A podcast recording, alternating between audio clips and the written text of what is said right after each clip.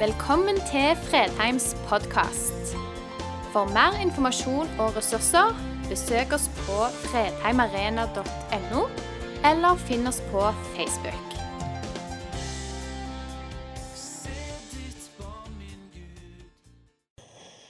Det er fint å kunne være her i Fredheim Arena. Og jeg fikk være med på Jeg skal bare ikke snovle i den. Jeg fikk være med på Avana DNA-konferansen i går og si noe der. Jeg hadde privilegiet å jobbe sammen med Anne Lene, som er her i menigheten, eh, og være en del av Avanas styre i Norge. For jeg tror på det arbeidet veldig. Eh, vi trenger å gi Guds ord til barn og unge i dag. Vi bruker Avana i vår kirke, som er Hånes frikirke, der jeg er pastor. Og vi er veldig takknemlige for det redskapet av hva han er blitt. Så takk til dere for den investering dere har gjort. For det dere som menighet har lagt til rette for, investert i, trodd på, sammen med Indremisjonsforbundet i Norge. Det betyr mye for mange. Takk. Jeg, helt, jeg er ikke sikker på om dere som menighet som sitter her, og dere som er på kamera, skjønner hvilken på en måte innflytelse som er i ferd med å få gjennom Avana-arbeidet. Så takk for det. Så jeg er altså pastor i Hånes frikirke. Vært pastor i 30 år, faktisk. Det er jo ei stund. Eh, eh, og, eh, men jeg er sånn misjonærpastor kaller jeg meg. Fordi at eh, mest av tida bruker jeg i Europa. Jeg leder noe som heter M4, et arbeid i 15 nasjoner i Europa, og også noe som heter Exponential, som er rundt over hele Europa. Så jeg er en pastor slash misjonær til Europa. Og det syns jeg er fantastisk. Nå skal vi lese Guds ord, og du sa jo det er sky av vitner. Det er helt riktig. Det er, det er det første på en måte verset i denne teksten som vi skal ha i dag. Og det er fra Hebreerbrevet, kapittel 12, vers 1-3.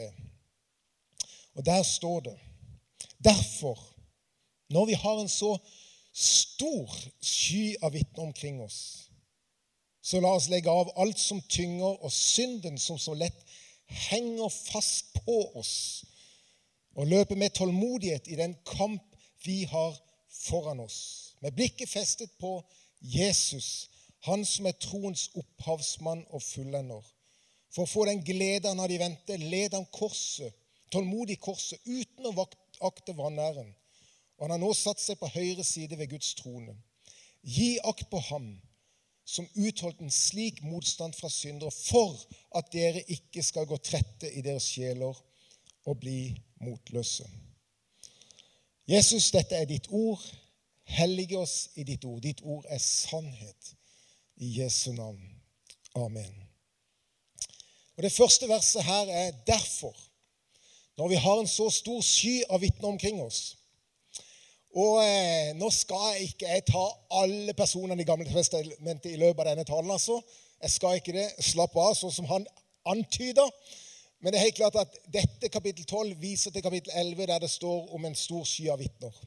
Men jeg er ganske overbevist om at noen av dere har noen sånne vitner. Og hva er et vitne? Hva er et vitne? Jo, et vitne er jo noen som har en førstehåndskjennskap til noe.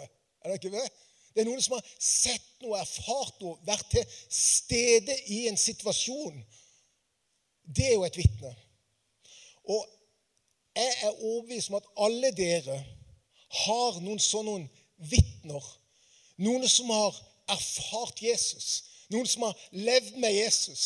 Noen som har vært til stede og gått gjennom vanskelige, utfordrende ting, men bevart troa. Stått i det. Jeg har noen sånne. Jeg sier av og til at når jeg tror jeg er litt radikal, litt sånn oh, nå er Øyvind litt på her, så leser jeg denne enkle lille boka her som heter 'Pionerer skjørt'. Det var Sofie Reuter og Jakob som i 1885 sto på kaia i Kristiansand, sendt ut fra mine tippoldeforeldres hjem, og var de første kinamisjonærene som reiste fra Norge. Hvor gamle var de? 24 og 26 år. Hva ønska de? De skulle bare vinne hele Kina for Jesus.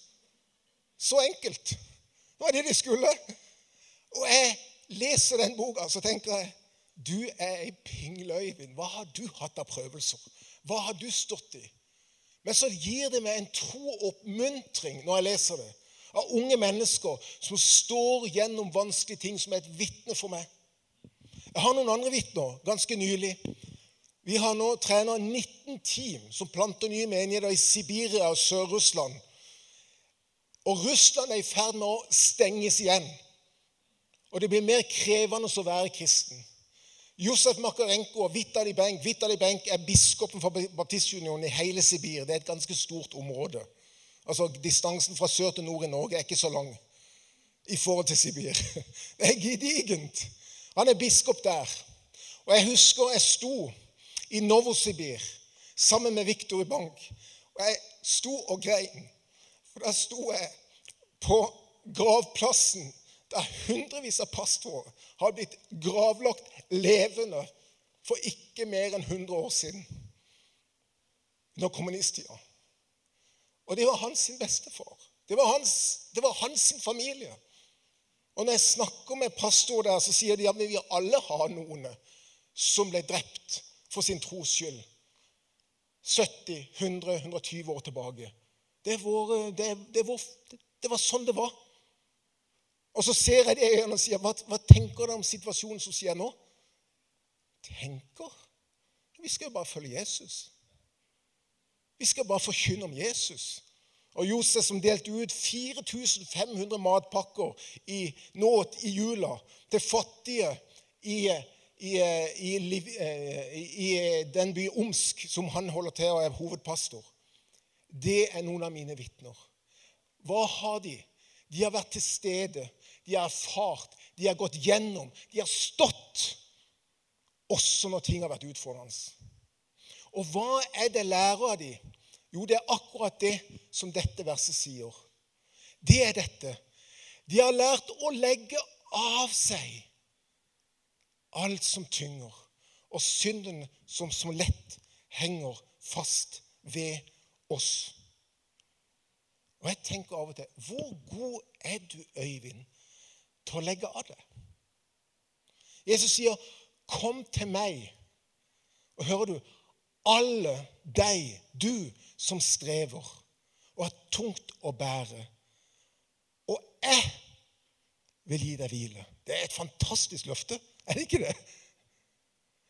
Hvor god er Øyvind Augland til å legge av seg? Hvor god er du til å legge av det? Jeg har jobba litt sånn faglig med noe som heter resiliens. Vi snakka litt om det i går kveld. Men resiliens er altså eh, psykologisk motstandskraft. De faktorer som har sammenheng med at man beholder psykisk styrke og helse tross for stress, påkjenninger. På en måte, på norsk kan du si at vi er, vi er litt robuste. En er blitt litt robust. Og resiliens er en persons evner og kompetanse og ferdigheter til å tåle og håndtere på en konstruktiv måte påkjenninger, stress, skuffelser, kriser, traumer, kritikk, endringer osv. Og, og en av de kompetanseområdene som jeg står i næringsliv Jeg har hatt næringsfolk som sitter med tårer i øynene når jeg sier det.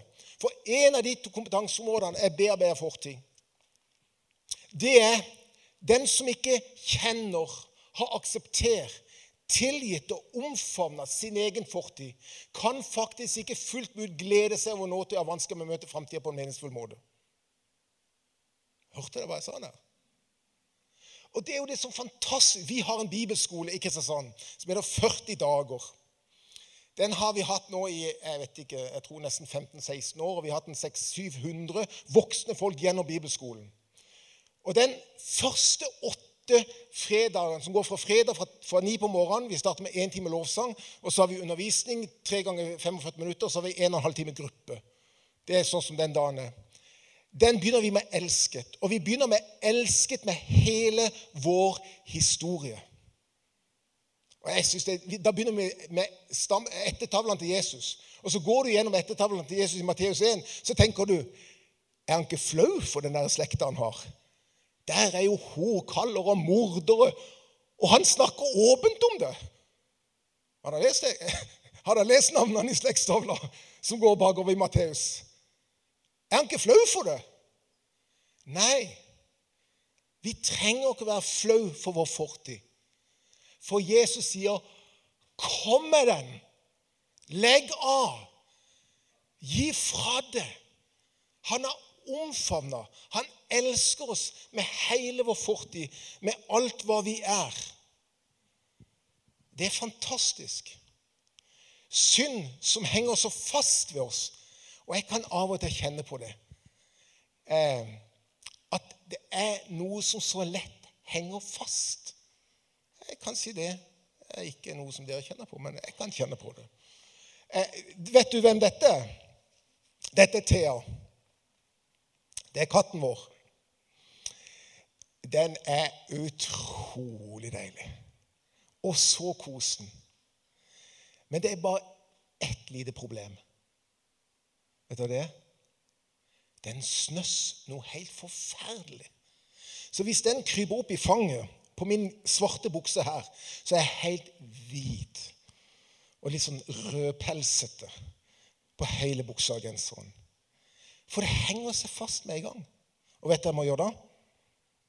Og Spesielt når mamma er på besøk, så må alltid før hun går ut så tar jeg, for mam, Katten lir mamma godt, så hopper hun alltid opp på fanget. Så må jeg ta den rullebørsten. Da, da skjønner hva jeg snakker om nå. Og så må jeg rulle over for liksom å få vekk dette her. Så hun kan gå med òg. det er rent og greit, og hun kan gå hjem. For ting henger så fast ved oss. Og sånn gjør det. Og, og, og Bibelen sier at denne synden henger så fast. Sår skuffelser, selvmedlidenheten og selvopptattheten, eller kanskje vi skal si det som Galaterbrevet sier Det er klart hva som ligger helt naturlig for oss, som henger så fast ved oss. Det er hor og umoral og utskeielse, avgudsdyrkelse, trolldom, fiendskap, strid, sjalusi, sinne, selvhevdelse, stridigheter, splittelse, misunnelse, fyllfestinger. Mye mer av samme slag. Wow! Hvis du tror og sier 'nei, det der, det er jo ikke meg', det er jo de andre, da har du et, for det første et problem i utgangspunktet. For det er dette som henger så fast med oss. Det kalles synd. Det er helt konkret. Det er veldig praktisk. Hebreerbrevet kapittel 6 vers 1 sier at dette kalles døde gjerninger. Altså, vi skal ikke legge grunnvoll med tro på Gud og omvendelse fra døde gjerninger. Det er denne type gjerninger som bringer død inn i våre relasjoner, ødelegger våre relasjoner. Ødelegger deres ekteskap, ødelegger deres relasjon til barna, ødelegger deres relasjoner på, på arbeidsplassen. Dette er de ting som ødelegger. Og så sier Bibelen Du skjønner, dere har et løp foran dere. Og skal dere klare å stå det løpet, så kan dere ikke la være å legge av. For dere klarer ikke å løpe det løpet hvis dere stadig går og bærer på og holder fast ved de tingene som Gud har bedt deg å omvende deg fra, og legge av. Da må du legge av. Og det er det som er dette. For vi har et løp vi skal løpe i denne verden. Og er det noen av dere som har løpt noe? Er det noen av dere som er litt sporty her inne? Oppe i handen? Ja, takk skal du ha. Veldig bra. Noen av dere har kjent på den derre dette, dette koster litt. Og det Bibelen sier, det er en kamp. Og noen har kjent på kampen for å gjennomføre et løp. Har dere ikke det? Ja, det, er ikke, jeg er ikke noen maratonløper, men eh, og noen av dere sykler kanskje. Og dere har kjent på når melkesyra kommer i beina og sier 'Jeg vet jeg skal i det målet der'. Er, er, det er, ikke så mye, er ikke så mye sport i? Nei, jeg, jeg bare tuller. Dere som sitter der med kamera, dere er sporty. Jeg er helt sikker på det. Men poenget det, det som er poenget Vi har et løp foran oss alle. Og når vi skal løpe dette løpet, så har vi ikke råd, og vi har ikke mulighet til å bære med oss det henger jo ikke det på deg når du skal løpe et maraton. De henger ikke på seg en stor sekk og eh, fem kilo nistepakke. Og, altså, de henger seg ikke på seg ting. De sørger for at de har fått av seg for å kunne løpe lett i det løpet som er lagt foran. For det kommer til å bli såpass kamp at hvis du går og bærer og holder fast på synd og skuffelser og sår i ditt liv, så kommer det et tidspunkt der det løpet stopper opp. Jeg beklager å si det. Og der du må igjen tenke eh, Skal jeg legge av meg? Skal jeg gi fra meg? Og Jesus sier, 'Kom til meg. Legg av.' For skal du holde det løpet, som er en kamp og det er, jo, det er, jo, interessant at det står her både vi skal løpe med tålmodighet, og det er en kamp. Jeg syns det, det, er noen paradoks å løpe med tålmodighet. Jeg vet ikke om dere syns det passer sammen. Men poenget er det som, det som enhver løper gjør, og enhver idrettsstjerne gjør Han tenker på endemålet. Han vet at løper er meter, løper er 44 km, så kan ikke jeg sprinte ut som en 100 meter. For jeg vet at det er der jeg skal. Han har blikket festa på et mål. Ikke sant? Det er jo det de gjør. Og det er det det står her videre. Det er at de har blikket festa på noe. Når vi løper, så har vi lagt av oss, for vi kan ikke gå og bære og stå i det løpet. Men så vi, vet vi hva endemålet er. Og det endemålet, sier Bibelen, det er Jesus Kristus. Det er fe jeg, jeg, jeg, digger det ordet. Festa. Et blikk som er festa. Det står, det står i, Romer, i, litt tidligere i Hebreabrevet 6,19. Der står det dette håpet er trygt og fast. Dette håpet, Jesus, er trygt og fast anker for sjelen. Og et anker er jo noe som er festa. Det er noe som er festa fast. Og det at vi har et blikk festa et sted Og det den som løper, han må vite veldig tydelig hvor han skal, og hva er endemålet for det løpet som han har. Og Derfor så er det jo spørsmål. I dette livsløpet som du og meg løper Når kampene kommer, når ekteskapet knaker, når strømregninga dobler seg, når smitten sprer seg når vi ikke kan møtes, når barna tar andre valg enn det du hadde ønska, når du mister noen du er glad i, når utfordringer og vanskeligheter tårner seg opp Hvor festes blikket? Hvor ser du da? Er det på omstendighetene? Er det på serie på Netflix? Er det på verdens begivenheter? Er det på likesene på Facebook eller Instagram? Bibelen sier gjør fast, forankr blikket på Jesus. Men hva betyr nå det? Hva betyr det i mitt hverdag? Hvordan kan vi feste blikket? Jo, for meg handler det om å feste blikket på Hans ord og hans løfter. Og Det er viktig å si det. det står i 2. Peters brev. Derfor står også profetordet, Guds ord, Bibelen, så mye fastere for oss. Hør her. Og det gjør dere rett i å holde fast på. Smart i å holde fast på. Det er en lampe som lyser på et mørkt sted til den dagen det er et løp hvor det er en lampe som lyser opp den stien. Da er vi i Salme 115, 105, 105 nei, 119, vers 105. Et lys som lyser opp til dagen gryr, og morgenstjernen Jesus skal fullstendig ta over vårt liv og våre hjerter. Dere gjør lurt i å holde fast på. Vi elsker ikke Jesus og blikket festa på Jesus mer enn vi elsker Hans ord og har blikket festa ned i Hans ord. For der finner vi Hans ord og Hans løfter til oss, som holder oss oppe. Og Det er derfor nettopp det fortsetter her. At fordi at han er troens opphavsmann og oppfullender. Og det er jo tro vi lever ved. Det er jo tro vi lever ved. Og han er begynnelsen, og han er slutten på alt som har med tro. Og han har tro nok å gi inn i enhver situasjon. Hørte dere? Det er det det står her.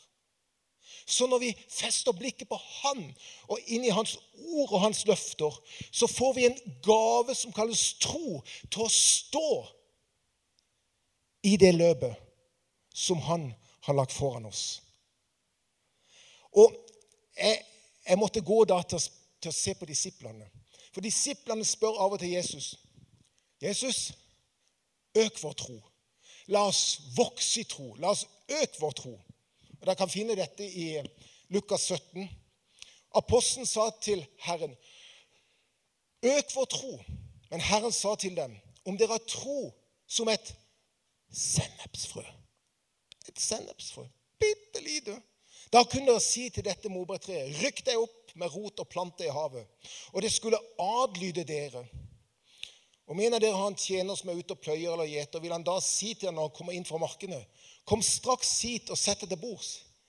Vil si, vil han heller ikke si til ham, gjør i stand kveldsmat til meg. Bind opp om det. Vær min oppvarter mens jeg eter og drikker. Så kan du selv ete og drikke. Takker han tjeneren fordi han gjorde som han var pålagt? Jeg tror ikke det. Slik skal også dere. Når dere har gjort alt som er pålagt dere, si vi er unyttige tjenere. Vi bare gjorde det vi var skyldige å gjøre. Hva er det, hva er det, hva er det, hva er, det Jesus sier om tro her? Det han sier, det handler overhodet ikke om mye eller lite tro. Det er en helt fjern diskusjon. Mye eller lite tro. Det er ikke det primært sett det handler om. Vet du hva det handler om? Troen taler, og troen handler. På de løfter som Jesus sier, og når han spør oss. Det er det det står her. Troen snakker du skal si til dette fjellet, flytte, til dette morbrevet, flytte. Troen taler de løftene Gud har gitt. Men også troen vokser bare når vi handler når han taler i lydighet på det han sier. Da erfarer vi at Gud er god, at han er til stede, at han er nær, at han elsker. Og Det er jo, det er jo, det er jo interessant når du fortsetter teksten så står det for å få den glede han hadde, fulgt, hadde ventet, led han tålmodig korset. Uten å akte vanæren. Og han har nå satt seg på høyre side ved Guds trone. Jeg syns det er vanskelig eller ikke vanskelig, men det er rart å si at glede og lidelse står i samme linje. Er det mulig? Det er jo det som står her. Det er jo det jeg opplever med disse russiske vennene mine. Midt i vanskelige situasjoner, midt i å bli stadig tatt inn til avhør for om de gjør noe galt, midt i på en måte at kirkebyggene prøves å tas fra dem, midt i de vanskelige situasjonene, så har de en glede i Jesus. De har en glede i troen. Hvorfor? For de står på Guds løfter. De legger av seg og holder fast på det som Bibelen sier de skal holde fast på. Da blir det stående. Og Jesus han hadde en glede i vente. Han hadde et mål. Han så noe bak lidelsene. Det er jo det det står her. Så om vanæren, om, om fornedrelsen, korset Det var noe som var større. Og hva var det større? Det var at en dag skulle sitte ved Guds Faders høyre hånd. Det står der, høyre side av tronen. Og se alle folkeslag, du og meg, brakt tilbake til Gud på grunn av det han gjorde på korset. Og det er noe når vi får perspektiver på livet når vi ser forbi lidelsen, når vi ser forbi og vi skjønner det håp vi har i Jesus Kristus, en ny himmel og en ny jord Vi lever ikke uendelig her nede. Vi har et større håp for vårt liv. Når vi bærer dette håpet som Jesus har gitt oss, så tåler vi så mye mer. Akkurat som en som løper et løp. Han ser endemålet. Han vet den prisen han løper for. Han ser det. Da holder han ut. Da legger han av seg. For han vet den eneste måten å løpe løpet. Han vet det kommer til å koste noe, men han vet seiersprisen. Og seiersprisen for Jesus, det var du og meg. Og dette er jo hva vi holder på med. Dette er hvorfor vi holder på med Havana. Det er fordi at Gud elsker mennesker. Men mennesker falt ut av fellesskap med Gud. De tok avstand fra Gud. De ville være sin egen herre og styre livet. De ville bære sine egne byrder og styre sitt eget liv.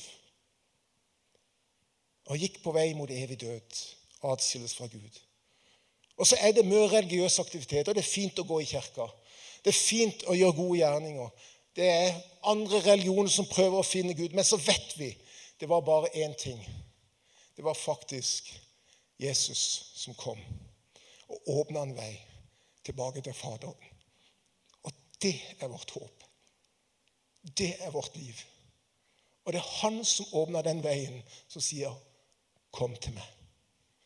Kom til meg, du som strever. Kom til meg.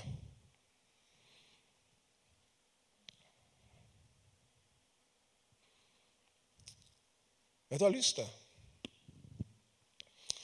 Kanskje er det noen som sitter der og ser.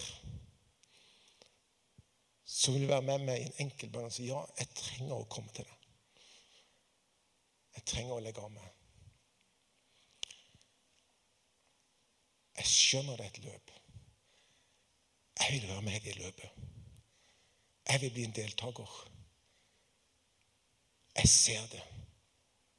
Og Kanskje skal du være med og be denne enkle bønnen før jeg sier noen ord til avslutning etterpå. Jesus, jeg kommer til deg. Takk for at jeg kan få lov til å legge av alt som tynger, og synden som henger så fast. Takk for din frelse og din tilgivelse. Jeg vil ta imot det nå i dag.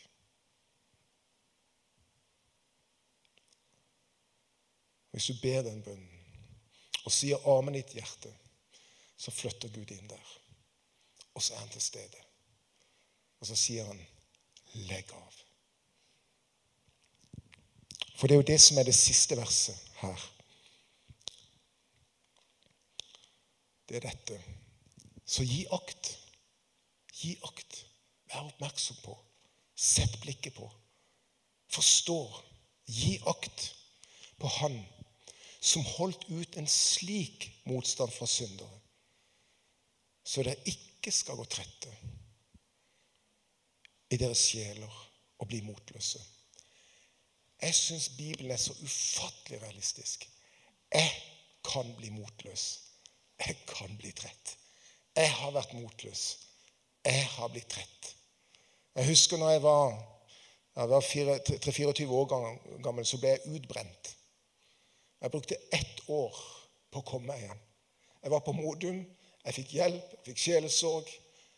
Jeg var helt på slutten av meg sjøl.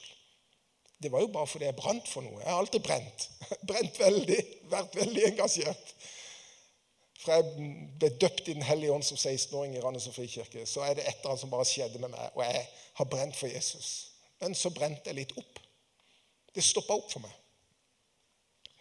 Men det er da du kommer til et sted der du skjønner at det handler faktisk ufattelig lite om deg sjøl.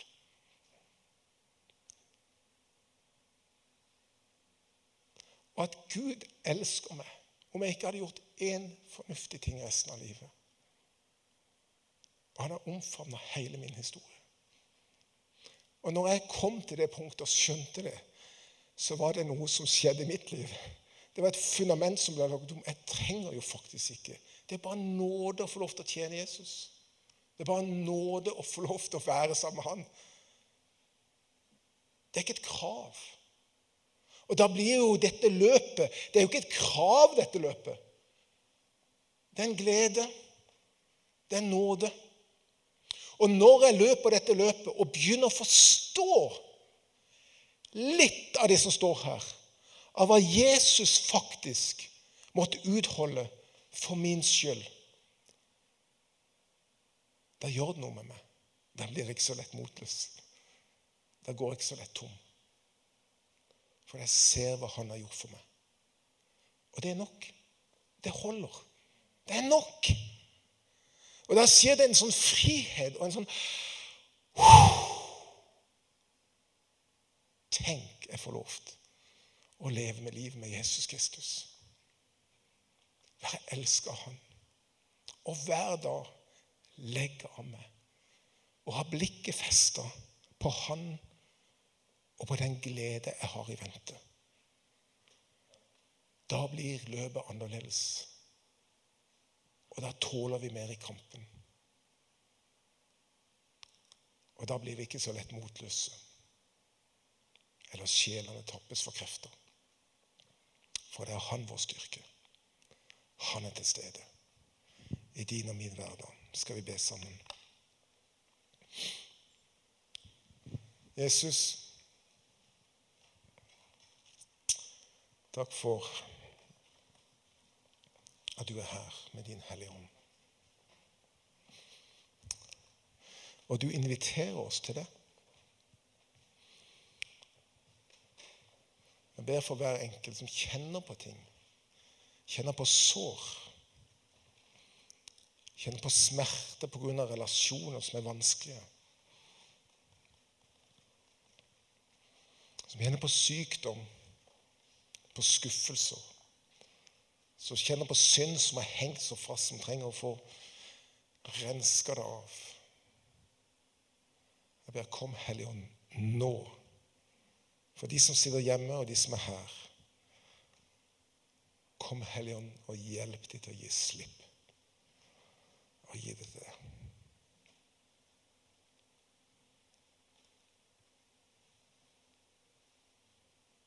Kom, Hellige og gjør det nå.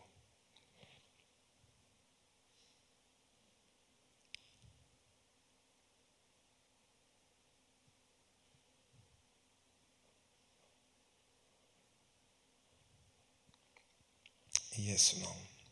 Amen.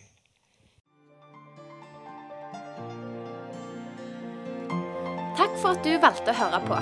Nye opptak legges ut hver uke. Vi har gudstjenester hver helg, og du er hjertelig velkommen.